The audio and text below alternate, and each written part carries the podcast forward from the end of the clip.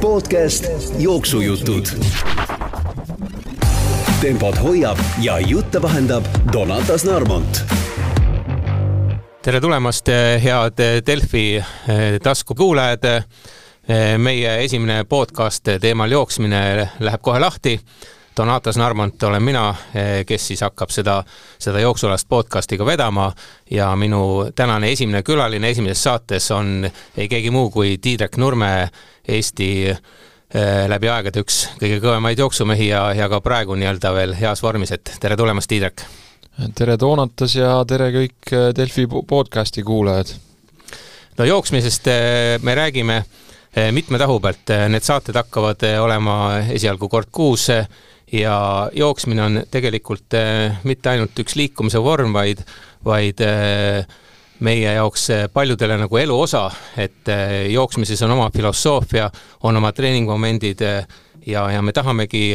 teieni tuua oma ala spetsialistide abida, abiga kõik selle, mis jooksmine tegelikult endast kujutab ja miks ta hea on meile ja miks me soovitame ka kõigil teil jooksmisega tegelema hakata. nii et räägime nii tippjooksmisest, räägime eh, rahvaspordi tasemel jooksmisest eh, ja räägime varustusest ja, ja kõigest sellest, mis, mis siis jooksmisega seondub. Ja, ja tutvustuseks ka nii palju, et me mõlemad Tiidrekuga oleme juba pikaajalised eh, tuttavad, puutunud kokku jooksuradadel, olnud Keenias koos laagris eh, ja, ja teame jooksmise kohta nii mõndagi, nii et mina olen ise tulnud ka kunagi Eesti meistriks kahekümne kilomeetri maanteejooksus, maratonirekord on kaks kakskümmend kuus, kümmet kilomeetrit staadionil jooksnud kolmkümmend nelikümmend viis, nii et eh, praegugi oleks täiesti arvestatav aeg. Ja vaatasin, et eh, on minu nimel ka veel Eesti kaheksateistaastaste eh, rekordid kolmes ja viies kilomeetris, nii et selles suhtes selle alaga tegeletud on, annan veel välja ka ajakirja Jooksja, mis on ka ju kõige otsesem jooksmise kanal ja hõlmab ka teisi alasid ning korraldan ka Rapla Selveri suurjooksu, nii et eh, jooksmise koha pealt päris mitmetahuline kogemus. ja Tiidrek, kui sinu käest siis küsitakse, et eh, kes sa selline oled, siis eh, eh, kuidas sina vastad, eelkõige siis jooksmist silmas pidades? noh, ütleme jah, jooksmine on üks osa elust, nii nagu Toonatas siin just äh, sina välja tõid, et äh, sul on ju mitmeid erinevaid ülesandeid ja valdkondi, millega sa oled ju seotud, noh, seda sa ei öelnud, et äh, mitme lapse isa sa oled või või kui kaua sa suhtes oled oma naisega olnud või või eks neid muid ülesandeid ka, et mina tavaliselt ütlen inimestele, et äh, ma olen äh,, olen siis isa, kolme lapse isa, olen abielus äh, viimased äh, kuu- kuusteist aastat ja lisaks olen äh, siis äh, sportlane, see on minu elukutse, olnud seda juba siis äh, no ütleme, et kakskümmend aastat olen tegelenud sellega sellisel tasemel, kui ma räägin võistlusspordist ja lisaks olen kristlane, olen aktiivne koguduse liige äh, Tartus Kolgata baptisti koguduses, mis tegelikult toob kaasa päris palju igasugust vabatahtlikku tegevust ja lisaks olen veel tudeng Tartu Ülikoolis, õpin magistratuuris sporditeadusi. Aga jah, kui rääkida elu sellist tervikuna, mis on nagu sellise suuna andnud või või siis kindlasti äh, jooksmine on olnud selline suuna, suunaandja need kakskümmend aastat minu elus olnud ja see on olnud küllaltki huvitav aeg, et äh, kakskümmend aastat tagasi ma poleks kunagi arvanud, et äh, et see saab olema minu elu üks kõige sellisemaid põhitegevusi no nii ja kohe räägime sinu saavutustest ka sissejuhatuseks, aga jaa, lapsi on mul neli. nii et, et selles suhtes see see on kindlasti üks asi, mille üle võib uhkust tunda ja kõik lapsed teevad ka sporti. nii et, et selles suhtes eh, olen ma väga õnnelik inimene selles osas. aga Tiidrek, kui nüüd mõni saavutus esile tuua, noh, kõik teavad, et sa oled kõva maratonijooksja, rekord on kaks tundi ja üksteist minutit, siis, siis mida võib-olla paar sellist nagu kõrghetke oma sporditeelt, mida sa välja tooksid? jaa, maratoni aega parandades siis hetkel on mul veel isiklik rekord kaks tundi, kümme minutit ja kaks sekundit, aga eks äh, jah, ütleme, kui üldse kogu minu selle karjääri peale vaadata, seda ongi raske siin äh, mõne lausega edasi anda, aga algselt ma olin ju teada, teada, et äh, staadioni taustaga jooksja, kui, kui ma olümpiamängudel olen kolm korda käinud, siis kaks tuhat kaheksa Pekingis õnnestus mul siis joosta tuhat viissada meetrit, mis, mis tänagi on Eesti rekord, on, on siis minu isiklik rekord Pekingi päevadelt lisaks Eesti rekordid olen jooksnud kolme tuhande meetri jooksus, kahe tuhande meetri jooksus ja väga häid aegu ka viie tuhande meetri jooksus hiljem siis enne Riia olümpiat liikusin, aastal kaks tuhat viisteist liikusin maratoni distantsile. Ehk siis eesmärgiga uuesti siis äh, tahtsin osaleda olümpiamängudel, seetõttu vahetasin ka distantsi, õnneks olid ka head partnerid, kellega koostööd teha ja aastal kaks tuhat kuusteist juba sõitsin Riosse olümpiamängudele. Ja õnnestus ju ära käia ka Tokyo olümpiamängudel, mis olid alles hiljaaegu. Ja maratoonerina ma täna ennast ka identifitseerin ja noh, maanteejooksudes on poolmaratonis ja kümnes kilomeetris Eesti rekordid minu käes, et ja viitena kohe kõrvale Rapla Serveri suurjooksult ju see kümme kilomeetri jooksu aeg on praegu ka Eesti rekord. nii et äh, et mõju on siin üle laua Toonatuse, Toonas, Toonatuse poolt tunda siin laua taga ja, ja ka tegelikult ju spordiväljakul ja võistlustel, et et igal juhul kakskümmend aastat tohutult tegevusi äh, tippspordis nii staadionil kui maantee peal, suurvõistlustel olen osalenud maratonis, seitsmel tiitlivõistlusel ja, ja seda siis Euroopa meistrivõistlustel äh, ühe korra esikümnes, ühe korra üheteistkümnes, maailmameistrivõistlustel äh, top kolmekümne hulgas olnud ja olümpiamängudel samamoodi kolmekümne hulgas olnud, et et olen näinud väga häid aegu, arvestades, kui populaarne on täna maailmas jooksmine, siis, siis noh, see on vaieldamatult üks kõige populaarsemaid spordialasid, just kui me peame silmas ju seda osalejate arvu. et selle võrra on täna mul ka suuremad väljakutsed, et konkurents on tugev no näed, jaa, tõepoolest kaks kümme, mitte kaks üksteist on see praegune rekord ja eh, kaks üks, üksteist oli sinu eesmärk eh, just viimasel nädalavahetusel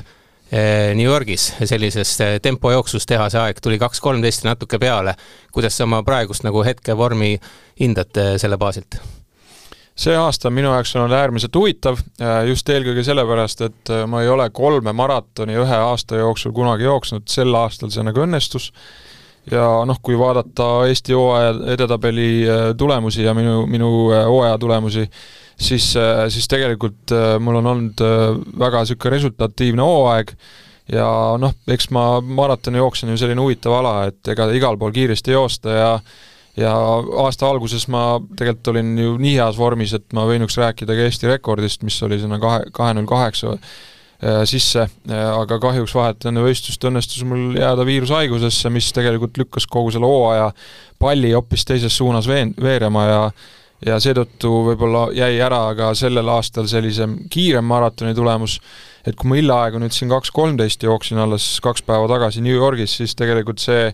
on suurepärane tulemus, lõpetasin jooksu ju teisena ja aga, aga siiski noh, eks äh, ma tahtnuks nagu kiiremini joosta, et aga alles seitse nädalat tagasi jooksin ka Budapesti maailmameistrivõistlustel, mis kindlasti oli minu jaoks väga haruldane nähtus, et seitsme nädala jooksul kaks tugevat maratoni joosta ja mõlemad lõpetasin ja tegelikult väga hästi lõpetasin. no see Pavel laskutav Eesti rekord on jah, kaks null kaheksa ja kas viiskümmend kaks või viiskümmend kolm on need sekundid, nii et pisut üle minuti on sul veel sinna minna. kas sa ise usud, et, et sa võid selle rekordi veel üle joosta? igal juhul usun, et arvestades täna seda, mis, mis, millist karjääri, karjäär mul on olnud, et see on eelkõige niisugune tiitlivõistleja karjäär olnud, mis eeldab ikkagi eelkõige selline tiitlivõistlejate mängu, ehk siis see ei ole niisugune koht, kus kiiresti joostakse, et mitmed minu tiitlivõistluse tulemused on, on oma, oma soorituse poole pärast paremad, kui on ajaline tulemus kaks null kaheksa, viiskümmend kolm seega küsimus ei ole selles, kas ma suudan, vaid küsimus on selles, millal see jooks tuleb, et et see, see jooks kindlasti ma, mina teen küll sellest, selleks oma parima, et et see aeg sinna kahe null kaheksa sisse ära joosta ja ma loodan, et see saab olema minu järgmine jooks. No kui vana sa, Tiidrek, oled praegu? hetkel veel noor mees, kolmekümne seitsme aastane et äh, maratonis on äh, küll ja veel aega, et paljud ju küsivad seda, et kui vana on Kipchoge, siis võikski ju siin äh, nüüd vaidlema hakata, et kui vana ta on, et me peaks laua taha tooma siis hulga geenelisi, võib-olla Kipchoge endagi ja, ja siis selle küsimuse küsima seal ringis ja siis kõik otsustavad, et kui vana ta on. et ega Kipchoge on täna üle neljakümne, oma bioloogilise vanuse poolest, aga see, mis tal seal passis kirjas on, tõenäoliselt ei ole päris see, mis mis on tal see passinumber, et mis, mis jällegi viitab sellele, et et maratonijooksja võib ka vanast peast äh, kiiresti joosta. aga kolmkümmend seitse ei ole kindlasti, äh, ei ole vana maratonari jaoks. no pigem on sul võib-olla äh, see teema, et sa pead rohkem ennast hoidma ja, ja rohkem fokusseerima mingitele kindlatele võistlustele ja ja, ja, ja keskenduma noh, mõnele väga tähtsale jooksule, et enam äh, Äh, ei ole nii noor, et, et äh, võiksid lahmida siin ja seal, et ka ilmselt sama asi on sul treeningutes, et, et sa pead väga teadlikult ja täpselt äh, oma treeninguid planeerima, aga loomulikult nii pikaajalised kogemused sul ka seda võimaldavad teha. No lõpuks on ikka nii, et noh, eks ma imetlen neid sportlasi, kes suudavad omale panna ühe eesmärgi ja siis selle nimel tegutseda ja lõpuks, äh, ma ei tea, panevad terve pool aastat selle eesmärgi sisse ja lõpuks täidavad selle eesmärgi, noh, see on nagu tegelikult minu arvates ikkagi ime, kui kui inimene täidab eesmärgi, mille järgi ta on käi-, äh, mida ta on, noh muidugi see eesmärk peab olema reaalne ka, et realistlik. ja siis ta lõpp, noh nagu Kipchoge puhul need lood on olnud, et äh, räägitakse maailmarekordist, pasundatakse seda kuid ja kuid ja lõpuks ta tuleb ja teeb selle nagu ära, et see on minu jaoks nagu äh, nagu müstika näha, kuidas äh, mõned tõesti suudavad seda nii teha, sest ma näen seda, et küsimus lõpuks ei ole treeningutes või ainult treeningutes äh,, ei ole seal on igasugused muud asjad, et treeninglaagrid äh, eestlaste puhul, meie liigume siin erinevatesse maailma paikadesse treenima minna, see tähendab seda, et seal on ka riskid. Ja noh, igasugused haigestumise riskid, noh, eks neid lugusid ja põhjuseid, miks halvasti ebaõnnestuda, on igasuguseid, aga aga see on küll õige, et kui me vaatame inimese sellist äh, krono-, kronoloogilist vanust, siis selle järgi võiks ikkagi vaadata ka treeningplaanile peale, et et päris nagu paari kuu tagant neid äh, superjookse ei tehta, et äh, üldjuhul tuleb aastas valida oma paar sellist eesmärki ja ja siis selleks ajaks oma vorm ajastada, et see ongi nüüd tippspordi ja võib-olla harrastusspordi selline suur vahe, et tippsportlased ajastavad oma vormi mingiks konkreetseks äh, võistluseks, teinekord võib-olla harrastussportlased seda ei tee, aga noh, siiski, ma võin eksida, ma tean, on hulk neid harrastajaid, kes tegelikult on nagu tippsportlased oma eluviiside poolest. no eh, seoses ka maratonijooksuga eh, joosti ju hiljuti nii naiste kui meeste hulgas eh, väga, väga kõvad maailmarekordid, naistel kaks üksteist ja, ja meestel kolmkümmend viis sekundit üle kahe tunni seesama kahe tunni piir, millest noh, kunagi räägiti, et eh, noh, on utoopiline ja ja, ja, ja kas üldse sinna jõutakse, vaikselt on sinna lähema, lähemale nüüd kogu aeg tuldud ja ma arvan, et hetkeseisuga ei ole vist mitte mingisugust kahtlust, et alla kahe tunni see, see maratoni eh, maailmarekord ka viiakse et eh, kes see nüüd on, kas see on seesama Kelvin Kiptum, noor ja andekas jooksja, või on see Kipchoge, kes ennast nii-öelda karjääri lõpus veel kokku võtab, see on tegelikult huvitav ja intrigeeriv küsimus. mis, mis sina arvad? väga raske on arvata, et noh, kas, millal see, noh, on ju ka alla kahe tunni joostud, aga need on sellistes tingimustes, mis, mis ei ole niisugused loomulikud tingimused, et kui viimane maailmarekord joosti Chicagos, sellistes tingimustes, kus, äh, mis oli nagu ametlik, ehk siis reeglitepärane Rahvusvahelise Kergejõustikuliidu reeglite järgi, siis äh, see kindlasti oli nagu fenomenaalne etteaste, et äh, näiteks viimasel äh, kümne kilomeetril tal, ta pidi täiesti üksinda jooksma ja seda tempot hoidma ja ja hoidis ära ja, ja nii, et ta lõpuks selle aja, aja siis jooksis nii kõva, aga kas see nüüd noh, alla kahe tunni tuleb, siis tegelikult see viimane Kiptumi jooks ju väga selgelt viitab sellele, et et Kipchoge-suguseid mehi on teisigi maailmas, noh, võib-olla veel ei ole, mõni, mõni alles sünnib täna, aga kahekümne, kahekümne viie aasta pärast on seesama täna sündinud inimene on äh, pildis, et äh, noh, ma arvan, see aeg tuleb alla kahe tunni ikka, et see, sõltub päris paljudest asjaoludest ja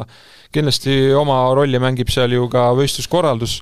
et ega joosti ju viimane maailmarekord Chicagos, kus tollel päeval oli suurepärane ilm ja, ja noh, eks teised võistlejadki kujundavad jooksu, et sul peavad olema vastavad konkurendid, teinekord tempotegijad, need peavad oma töö täpselt täitma. Et kui vaatame need Kiptum, Kiptumi tempograafikud, siis see oli ju väga hästi täidetud graafik ja võrreldes äh, Kipchoge kahe tunn, tunni ja ühe minutiga, siis siis Kiptum jäi ju poole maratoni peale peaaegu minutiga jäi, jäi, jäi alla Kipšoge, Kipšogele, et väga targalt joostud ja ühtlase tempoga jooks, et jällegi see ongi üks mõju, mõjuv äh, faktor, et kuidas sa seda esimest poolt alustad ja kuidas sa oma selle, noh, seal on sportlase inte-, intelligentsus tuleb mängu, kaas, kaasmeeskondade, meeskonnaliikmete äh, pädevus, äh, oskus suunata protsesse, et see, mis, mis tegelikult sellises maailmarekordi tasemel toimub, see on ikkagi täielik sporditeadus ja ja jooksja on lihtsalt üks väike osa sellest lõpuks, kes selle asja ellu viib, et noh, me toome sisse sinna ju ka tegelikult jalatsid ja ja tegelikult lõpuks küsime ka küsimuse, et kas see asi on nagu puhtalt tehtud, on dopinguga või dopinguta, noh, võib-olla sellest me saame alles rääkida kümne, viieteist, kahekümne aasta pärast, et kahjuks on ju niisuguseid lugusid ka, kus äh, suurspordis äh, alles, alles karjääri lõpus tulevad need äh, tumedad varjud esile, et noh, alati küsitakse ka neid küsimusi ja tuleb ka küsida no nii see on jah, et tänapäeval iga pisemgi detail ju määrab, kaasa arvatud seesama, mida siis sportlased söövad ja, ja, ja noh, öeldaksegi, et mida sa sööd, et sa nii kiiresti jooksed, siis siis peab ju seal midagi sellist olema, mis sind kiiresti jooksma paneb, mis sind ära taastab ja kui korra tuua ka näide, mida see maailmarekord eh, tegelikult, mis see tempo tegelikult tähendab, eh, selleks, et kahe tunniga joosta, sa pead jooksma iga kilomeetri kahe minuti ja viiekümne sekundiga. no see on ikkagi täiesti ulmekiirus, nii et, eh, et proovige ise joosta üks kilomeeter kahe viiekümnega, noh, enamik meist seda ei suuda. et see on ikka täiesti selline kuidas öeldakse, üle, üle mõistuse tempo, mida need mehed siis suudavad selle maratoni jooksul säilitada kaks viiskümmend on fenomenaalne, ma ei noh, kui siin peaks nagu ümber kohe kiiresti arve, arves, arvutama, et kui on kolm minutit tempo, siis on see keskmine kiirus kakskümmend kilomeetrit tunnis. Ja noh, järelikult see kaks viiskümmend peaks olema sinna kahekümne, ligi kahekümne ühe poole, kahekümne kahe kilomeetri tunni lähedal. noh, eks siin tuleb arvutada, aga igal juhul see on, see on ikka fenomenaalne tempo, et noh, Eh, midagi ei ole öelda, niimoodi kaks tundi järjest joosta, noh, see on fenomenaalne. no just, ja selleks peab ka hea baaskiirus olema, et eh, kui ka korraks sinu karjääri juurde tulla, siis tegelikult eh, sa alustasid ju keskmaajooksjana ja jooksid üle ka Mart Vildi tuhande viiesaja meetri Eesti rekordi, mis oli ikkagi väga, väga, väga kaua püsinud ja, ja, ja kolm kolmkümmend kaheksa sisse selle selle aja said, nii et, et sealt liikusid nagu järjest edasi pikematele distantsidele ja lõpuks maratonile, et tegelikult oli see ilmselt üsna hea eeldus, et selline hea baaskiirus oli sul olemas, mille peale siis ka seda maratoni nii-öelda, eh, maratoni distantsi pikemat, pikemat nii-öelda vastupidavust peale ehitada absoluutselt kõik äh, täna need maailma parimad ja kiiremad äh, jooksjad, äh, kes on maratonis ja kes jooksevad rekordeid ja kes võidavad jookse, need on niisuguste eeldustega, kes võinukski staadioni peal võita ja olla esimesed, et noh, nii on ju tegelikult Kipšogegi taust ja oli ka Gebre-, Gebre-Selassie taust ja Bekele taust ja kõik need mehed on ju sinna maailmarekordi ümber või, või kiiremini jooksnud, et et see on nagu, see on, see on fakt, et ütleme, kui nüüd harrastajale rääkida, et mis see tähendab olla kiire, siis tegelikult noh, ütleme sporditeadustes me räägime sellest, et äh, maratoni jaoks kiirus tähendab seda, et sa jooksed mingisuguse tempoga, mis on kiirem kui sinu selline maratoni tempo, ja, ja noh, mis tähendab seda, et äh, teinekord tulebki võistelda, maratonerid võistlevadki lühematel jooksudistantsidel ja seda tegelikult ju harrastajad teevadki ka, et enne, kui nad oma selle sügise Tallinna maratoni näiteks ära jooksevad, et siis siis äh, terve selle hooaja vältel on ju võisteldud nendel lühematel distantsidel. Ja noh, nii tegelikult on ka meil äh, tippspordis, et äh, et ma näen päris paljude treeningi ettevalmistuses sellist tsüklit, et a la kaks, kaks kuud enne maratoni võisteldakse näiteks väga kiirel kümne kilomeetri jooksul ja siis öeldakse ohoh, et näed, kiirus on alles või olemas, et nüüd on aeg minna mahutreeningute peale, et et see kiiruslik taust, see on ääretult vajalik ja minu puhul see muidugi töötas aga see ei tööta mitte kõigi jaoks. näiteks viimati ma jooksin äh, sealsamas New Yorgis ja meie jooksus oli ka üks, äh, üks võistleja, kes alles äh, Rios oli tuhande viiesaja meetri finaalis. ja, ja noh, tema üleminek ei ole see veel nii hästi läinud, et ma nüüd ajalist tulemust, minu meelest oli seal kaks, ajaliselt kaks kuusteist või nii, et ega lõpuks ikkagi selleks, et maratoni joosta, siis ainuüksi ju kiirusest ei piisa. me võiks panna Usain Bolti täna siis ju maratoni jooksma, öelda seda, et sealt tuleb uus rekord. et seal on nagu jah, kombinatsioon sellest kiirusest ja vastupidavusest, aeroobsest töövõimest ja anaeroobsest töövõimest no kes siis üldse, kui vaadata ka siin ütleme eurooplasi või ka siin Eesti, Eesti jooksjaid, kes,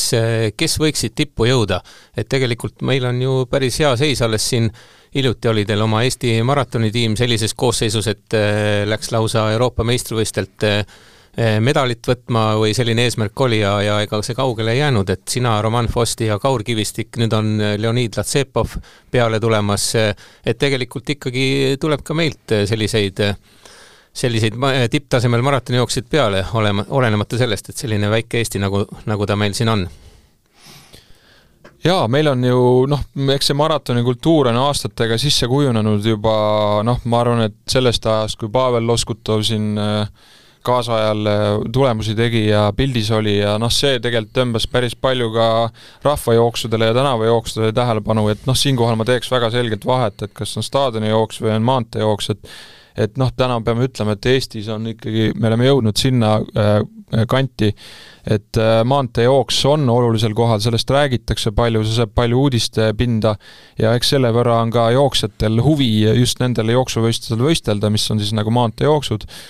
ja kindlasti seal on ka võimalik au, auhindasid teenida, auhinnarahasid äh, või, või mingeid muid esemelisi asju, mida teinekord staadionijooksus ei ole ja see kuidagi köidab, selline tähelepanu ja, ja auhinnad ja ja lisaks äh, noh, muidugi mina ütleks, et et võib-olla see maanteejooks on, ütleme, jooksja jaoks huvitavam, sest seal on teinekord keskkond muutub, seal on tänavad muutuvad, linnad on erinevad, staadioni peal teinekord on see, et see on lihtsalt üks staadioniring, mida sa uh, uhad, ja kui publikut ka kohal ei ole, siis võiks ju küsida, et miks peaks seal üldse nagu võistlema. aga noh, tagasi tulles sinu mõtte juurde, siis meil on täna uh, kindlasti Leonid Laatsepov, kes on fenomenaalsed etteasted teinud uh, viimastel maratonitel või oma esimese, esimestel maratonitel siis ma ütleks seda, et äh, ma väga suure huviga jälgin ja ootan. ma usun, et sealt tuleb küll mees, kes võiks joosta ajaga alla kahekümne ja seda juba lähi, lähiaastatel, et äh, selle üle mul on ääretult hea meel, sest äh, ma, ma olen ju eestlane ja tahaks oma riigis ikka ju parim olla, aga kui tuleb noor peale, siis see innustab mindki tegutsema ja, ja teistpidi mul on hea meel, et ma saan jagada oma kogemust ja olla julgustuseks teisele, kes, kes tahab samu, samu asju, nagu, nagu minagi tahan. lisaks olen jälginud ka nooremaid siin, vaatasin üks selline noorem mees, kellega mul isiklikku tutvust veel ei ole, Morten Siht, kes on noor mees, aga siin jookseb juba peaaegu sama kiiresti viie tuhande meetri distantsil, nagu näiteks jooksis Roman Fosti, et seega juba ma arvan, paari aasta pärast ta jookseb nii kiiresti, et et siin on äh, probleem nii minul kui ka Leonidil juba, et äh, et see on tore näha, et äh, on, tuleb peale ja, ja noh, on meie väike riik nii väike, mis ta on, aga samas noh, muudel spordialadel sama asi, samamoodi, on ju et äh, lihtsalt järsku kuskilt keegi ilmus välja, meie jaoks tundub seda, et, et oh, mis, mis, mis üllatus. aga tegelikult on juba aastaid äh, keegi kuskil tööd teinud ja keegi kuskil treener olnud ja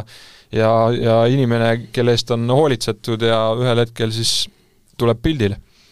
nojah, võib-olla ongi see, et eh, pikamäejooks, nagu me teame, on selline ala, mis nõuab palju treenituse akumuleerimist, et eh, need tulemused ei tule kohe, et sa pead tegema pikalt ja põhjalikult ettevalmistust ja ei tohi ka noorest peast liiale sellega minna, et, et kõiki asju teha treeningplaanis õigel ajal. Ja, ja, ja kui me siit tulemegi võib-olla sellise äh, jooksuteema või jooksuga alustamise juurde ka vahelduseks, et äh, inimesed, äh, kelle jaoks jooks äh, on selline nii-öelda võõras ala või raske tegevus, ma tean, et on paljud proovinud alustada, läinud välja jooksma, jube raske on, keeranud tagasi tihti esimese kahesaja meetri järel, siis neile mina oma kogemusest soovitan, et no, no tehke see ükskord ära, kas või niimoodi raskelt ja vägisi ja, ja, ja, ja toore jõuga, käige veel kaks või kolm korda jooksmas ja siis te tunnete, kuidas see, see jooks hakkab teile nagu loomuomasemaks muutuma, te saavutate oma rütmi, kerguse, kõige selle. nii et tegelikult ei saa loota, et me alustame nüüd jooksmisega, lähme välja ja, ja jube mõnus ja, ja kerge on kohe olla no jooksmisega on see, et äh, mina ütleks, et see on maailma üks odavamaid spordialasid, siin on ju igasuguseid muid variante meil Eestiski on võimalik teha igasugust, tegeleda erinevate spordialadega, jooksmine on kindlasti üks odavamaid, aga siiski ma arvan, et üks paremaid võib-olla motiveerimaid meetode, kuidas siis ennast käima saada või lihtsalt ütleme, harrastajana liikumana saada, mina küll siin räägin tippsportlase asjast, aga tegelikult ju noh, meil on tohutu mass inimesi, kes täna jooksevad ja seda me näeme suurüritustel, Eesti rahvajooksedel, kui palju on inimesi, kes liigutavad ennast ja neid, kes tahavad ka liikuma hakata, siis võimalik, et siinsamas Delfi podcasti kuulajate hulgas neid on, siis noh, mida esimesena teha, mina soovitaks seda, et et natuke investeerida teinekord on ju see, et kui sa kuhugi midagi juba annad, siis sa tegelikult tahad sealt ju seda tagasi saada, et sa ju andsid, sa ei saa ju noh, seda lihtsalt kuhugi riiule peale panna, seda investeeringut. Äh, näiteks äh, mina arvan, et on kindlasti mõistlik küsida nõu oma ala spetsialistide käest. mitte üldse häbeneda seda ja, ja Eestis on ju need treenerid äh, suur, suuremates linnades igal pool ja täna on online'i kaudu saad ka ju suhelda, et seega noh, leida endale treener, kes annab sulle nõu vähemalt aitab sulle aru saada, mis see siis jooksmine on ja kuidas selleks tegelikult treenida. lisaks investeeringute hulka ju võiks nimetada spordivarustust, jalatsed, riietust, lisaks äh, näiteks käekell, nutiseadmed, noh, kõik see võiks ka nagu veel sellist äh, indu lisada, et äh, kui sa juba selle käekella ostsid, siis sa tahad ka sellega jooksma minna, et et äh, no eks see, need kõik väiksed vidinad ja lisaks treener, need võiksid anda ju motivatsiooni. ja lisaks treeninggrupid, sõbrad, otsida kaas, kaas mõtlejaid ja ma näen näiteks Facebookis, sotsiaalmeediakanalites on sellised sotsiaalsed grupid, kus siis inimesed koonduvad ja ja üksteisele innustuseks on, et teinekord minusugune, noh, Tiidrek Nurmes on niikuinii kiire, et noh, te-, temaga me niikuinii ennast ei võrdle, aga samas on keegi minu, ma ei tea, sugulane või, või naaber või, või mõni endine klassiõde või vend või töökaaslane, kes ühel hetkel on tege-, tegelema hakanud ja sa näed, et ohoh, kui tema teeb, siis ju kuule, mina võiks ka teha, et aga minna siis noh, selle küsimuse juurde, mis on need asjad, mis motiveeriksid mind tegutsema? Nojah, tegelikult kõik see on õige, et et kui sul on head tossud, juba sellest sa saad emotsiooni, on selline eh, korralik kell, millega sa saad mõõta oma distantsi, aega, kõik need on sellised detailid, mis sind, mis sind kuidagi motiveerivad, stimuleerivad, aga noh, kokkuvõttes võib olla sul treeningplaan ja toitumiskava ja, ja kõik muu, aga kui sa ikkagi ei viitsi välja minna või, või ei ole see jooks sulle nagu selline meeldiv tegevus, siis, siis see kõik on nagu, nagu mõttetu, nii et, et sellepärast soovitan jah, mina, et, et ärge andke väga lihtsalt alla, et minge, minge jookske ja, ja proovige mitu korda ikkagi väljas käia. et enne, enne kui saate aru, kas see jooks teile sobib või mitte ja, ja ega siis ei peagi jooksmine kõigile sobima mõnele meeldib rattaga sõita, mõnele suusatada, ega jooks ei ole nagu kerge ala. aga kui te lõpuks saate nagu selle tunde kätte, no siis pole midagi jooksmisest paremat. see tunne, kuidas sa oma keha liigutad, tempoga mängid, eh, naudid seda kõike protsessi, see on ikkagi midagi, midagi sellist, mida tasub elus, elus kogeda nii et, et, et need soovitused jah, ja tegelikult kui jooksmist vaadata tervikuna ka sellises filosoofilises võtmes, et mida me sealt siis saame, siis eh, kogu see aeg, mis sa nagu jooksmise ajal eh, nii-öelda iseendaga oled, see puhastab su aju eh,, annab häid mõtteid eh,, eh paneb sind tundma eh, nagu parema inimesena, eh, maandab stressi. Te, teinekord ma ütlen, et ei ole vaja isegi alati nagu väga pikalt joosta, et mina olen ka proovinud seda, et kui tõesti pea on paks ja ja, ja on raske tööpäev olnud, siis äh, võib-olla, võib-olla niimoodi tund-poolteist ongi, tundub nagu liiga pikk, aga lähed ja jooksed tempokamalt hoopis pool tundi ja tunned, kuidas, kuidas aju teeb restardi, nii et, et tegelikult äh,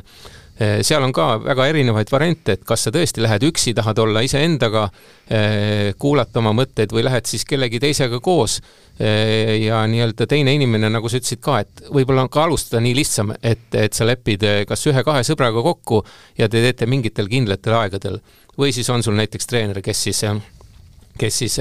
ootab sind, sind kuskil rajal või mingi treeninggrupiga ja, ja tekib sealt ka selline sotsiaalsuse moment no mõni on öelnud seda, et noh, mis ma siin selle jooksmisega ikka, et noh, see on maha visatud aeg, et lähen sinna aega raiskama või nii, aga noh, hiljaaegu rääkisin juttu ühe veteranijooksjaga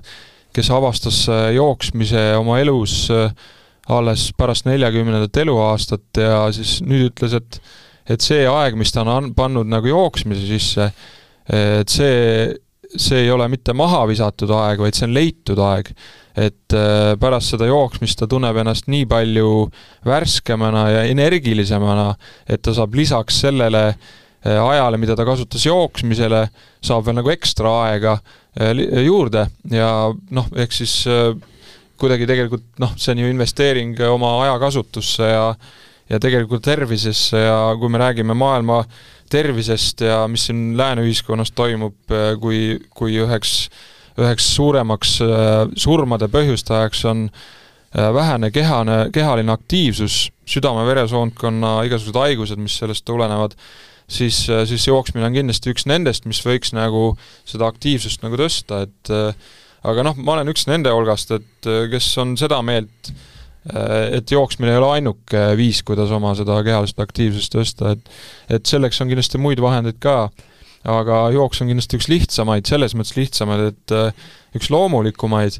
aga samas olla ikkagi tark ja arukas selle kõige juures, ma näen niisuguseid harrastajaid, kes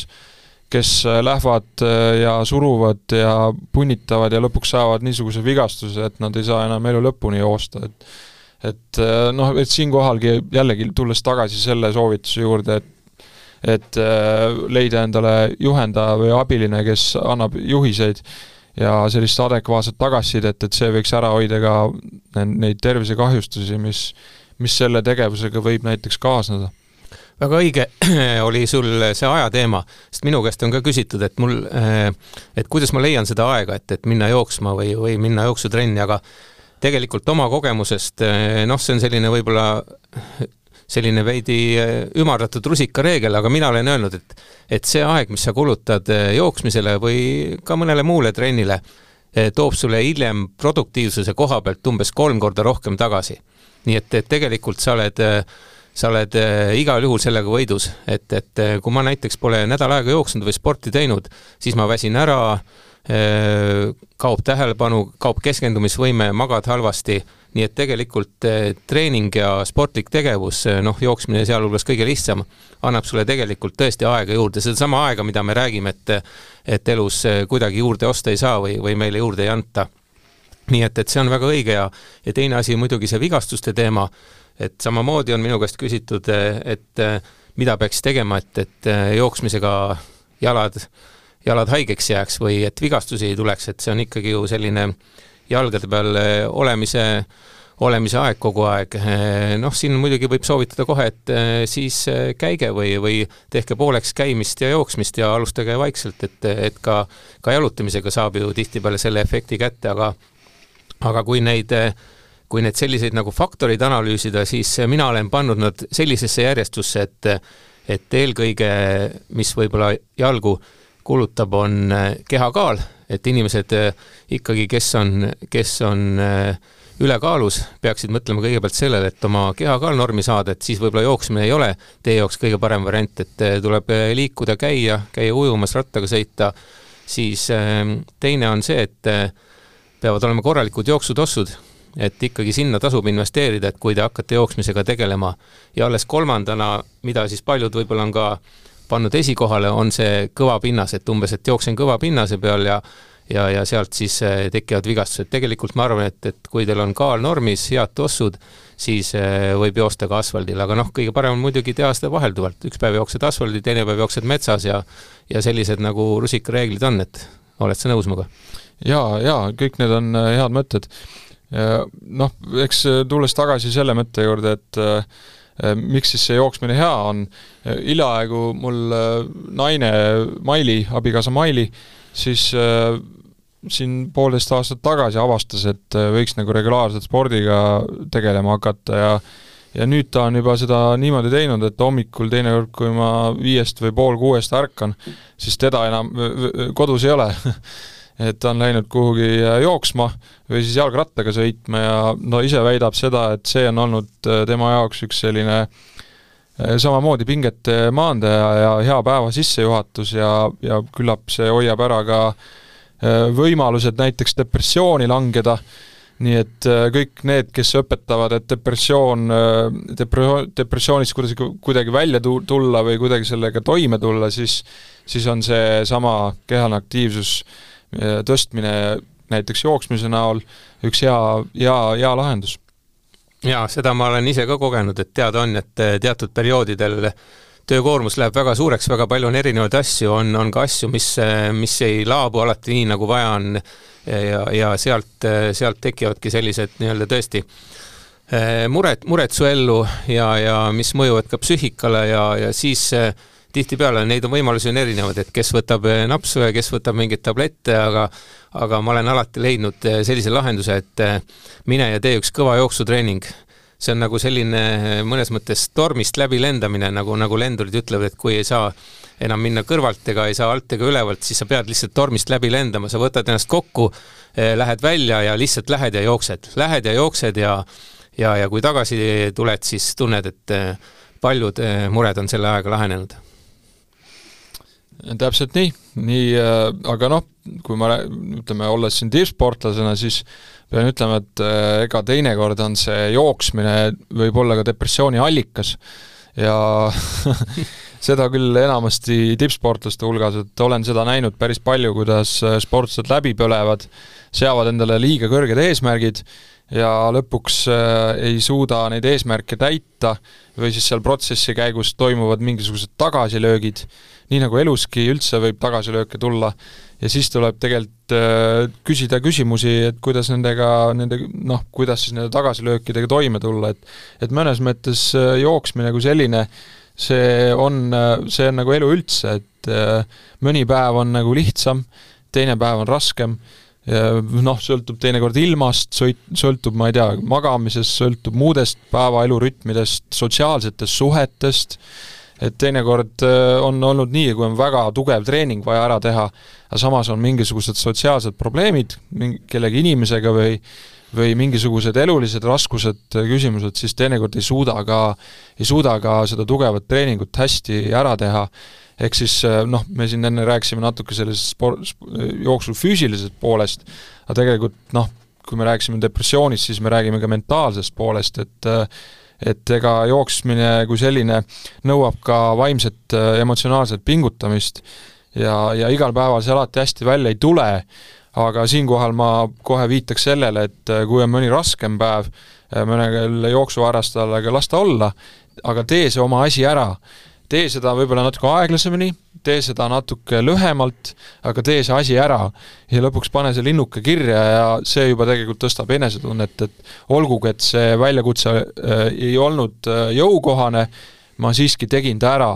et seegi noh, sealtki on võimalik oma selline positiivne noot kaasa võtta, et äh, kõigi nende kahekümne aasta jooksul, kui ma olen regulaarselt spordiga tegelenud, siis seda ideed ma olen ikka üritanud jälgida, et ma ei anna alla, vaid ma teen selle asja ära, olgugi et võib-olla see resultaat ei ole see, mida ma eeldasin, aga aga siiski ma teen ta ära. jaa, tundub, et me Tiidrak eh, põliste jooksumeestena mõtleme täiesti ühtemoodi, sest eh, sel ajal, kui sa seda siin rääkisid, eh, tuli mul pähe selline ammune, ammune soovitus Hillary Clintonilt, mida ma ka alati meenutan, kui on, on rasked hetked, et tee lihtsalt sel hetkel oma asju edasi. tee lihtsalt oma asju edasi ja varsti läheb paremaks, varsti läheb kergemaks, kõik möödub ja ja, ja tuleb päike uuesti välja, nii et tegelikult ongi see, et sa ei tohi alla anda. sa pead liikuma edasi, kas või tõesti aeglasemalt ja ühel hetkel sa jälle tempot tõstad, nii et, et tegelikult tegelikult on see nagu väga, väga õige, õige mõttetera, inimesed annavad väga lihtsalt võib-olla elus alla või,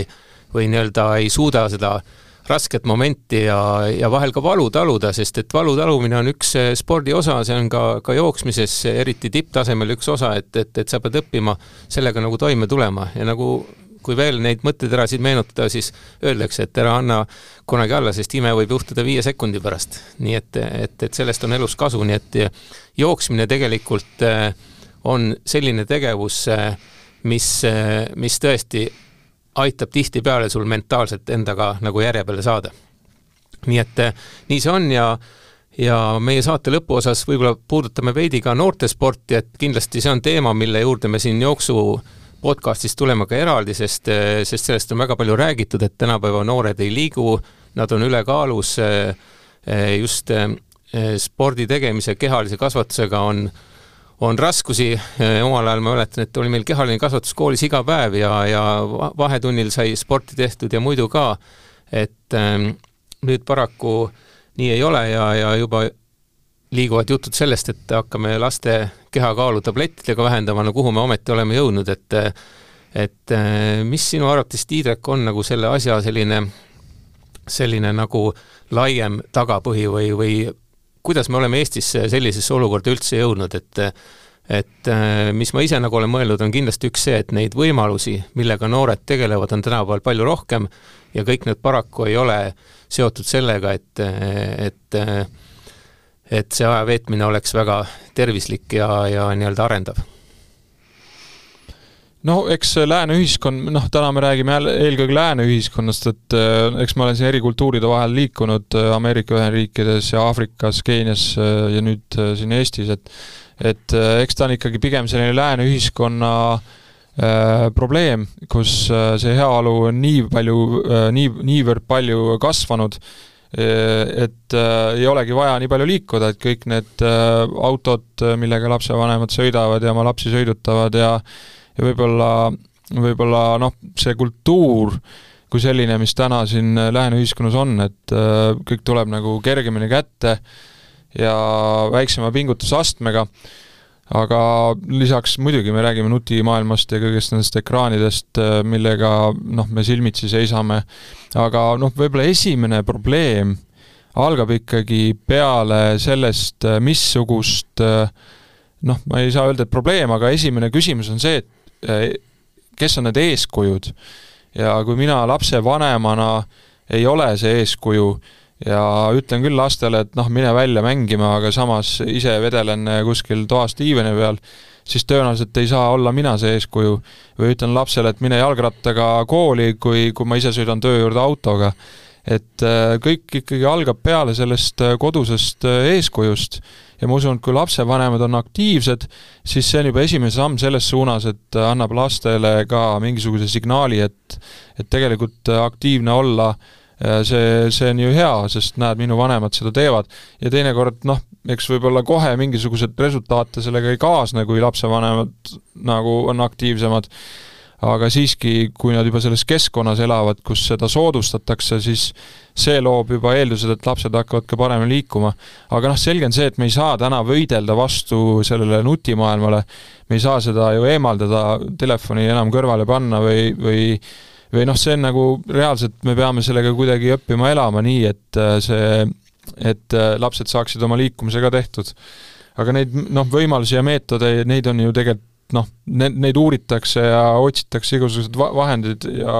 ja viise, aga minu arvates algab see kõik peale isiklikust eeskujust. väga õige, väga õige, seda ma olen ise ka alati öelnud, eh, vanemad tegelikult on ju lapsele kõige paremad eeskujud ja ja lastega koos spordi tegemine on ka kindlasti see aeg, eh, mida kunagi sa kahetsema ei pea. et mul kaks nooremat poega, käin nendega koos jooksuvõistlustel, teeme ka muud eh, koos ja selline kvaliteetaeg on väga-väga oluline aga selleks, et äh, vanemad saaksid äh, seda koos lastega teha, peab neil endal olema soov ju sporti teha, nad peavad ka teatud moel ise vormis olema, et võib-olla see olekski üks stiimul ka lapsevanematele olla sellises vormis, et nad saaksid lapsega koos sporti teha, eelkõige just lapsele ja tema tulevikule mõeldes. et, et äh, siin see muidugi teema on selline laiaulatuslikum ja ja, ja, ja, ja võib-olla nüansside rohkem, aga kokkuvõttes ikkagi äh, Äh, taandub kõik sellele, et tegutseme, et sellest me räägime äh, palju, et äh, noh, liigume, liigume ja, ja paneme oma lapsed liikuma, aga, aga see paraku kuskile, kuskile ei vii. ikkagi tuleb minna, minna tegudele ja näidata eelkõige oma isiklikku eeskuju, selles suhtes on meil muidugi õigus. ja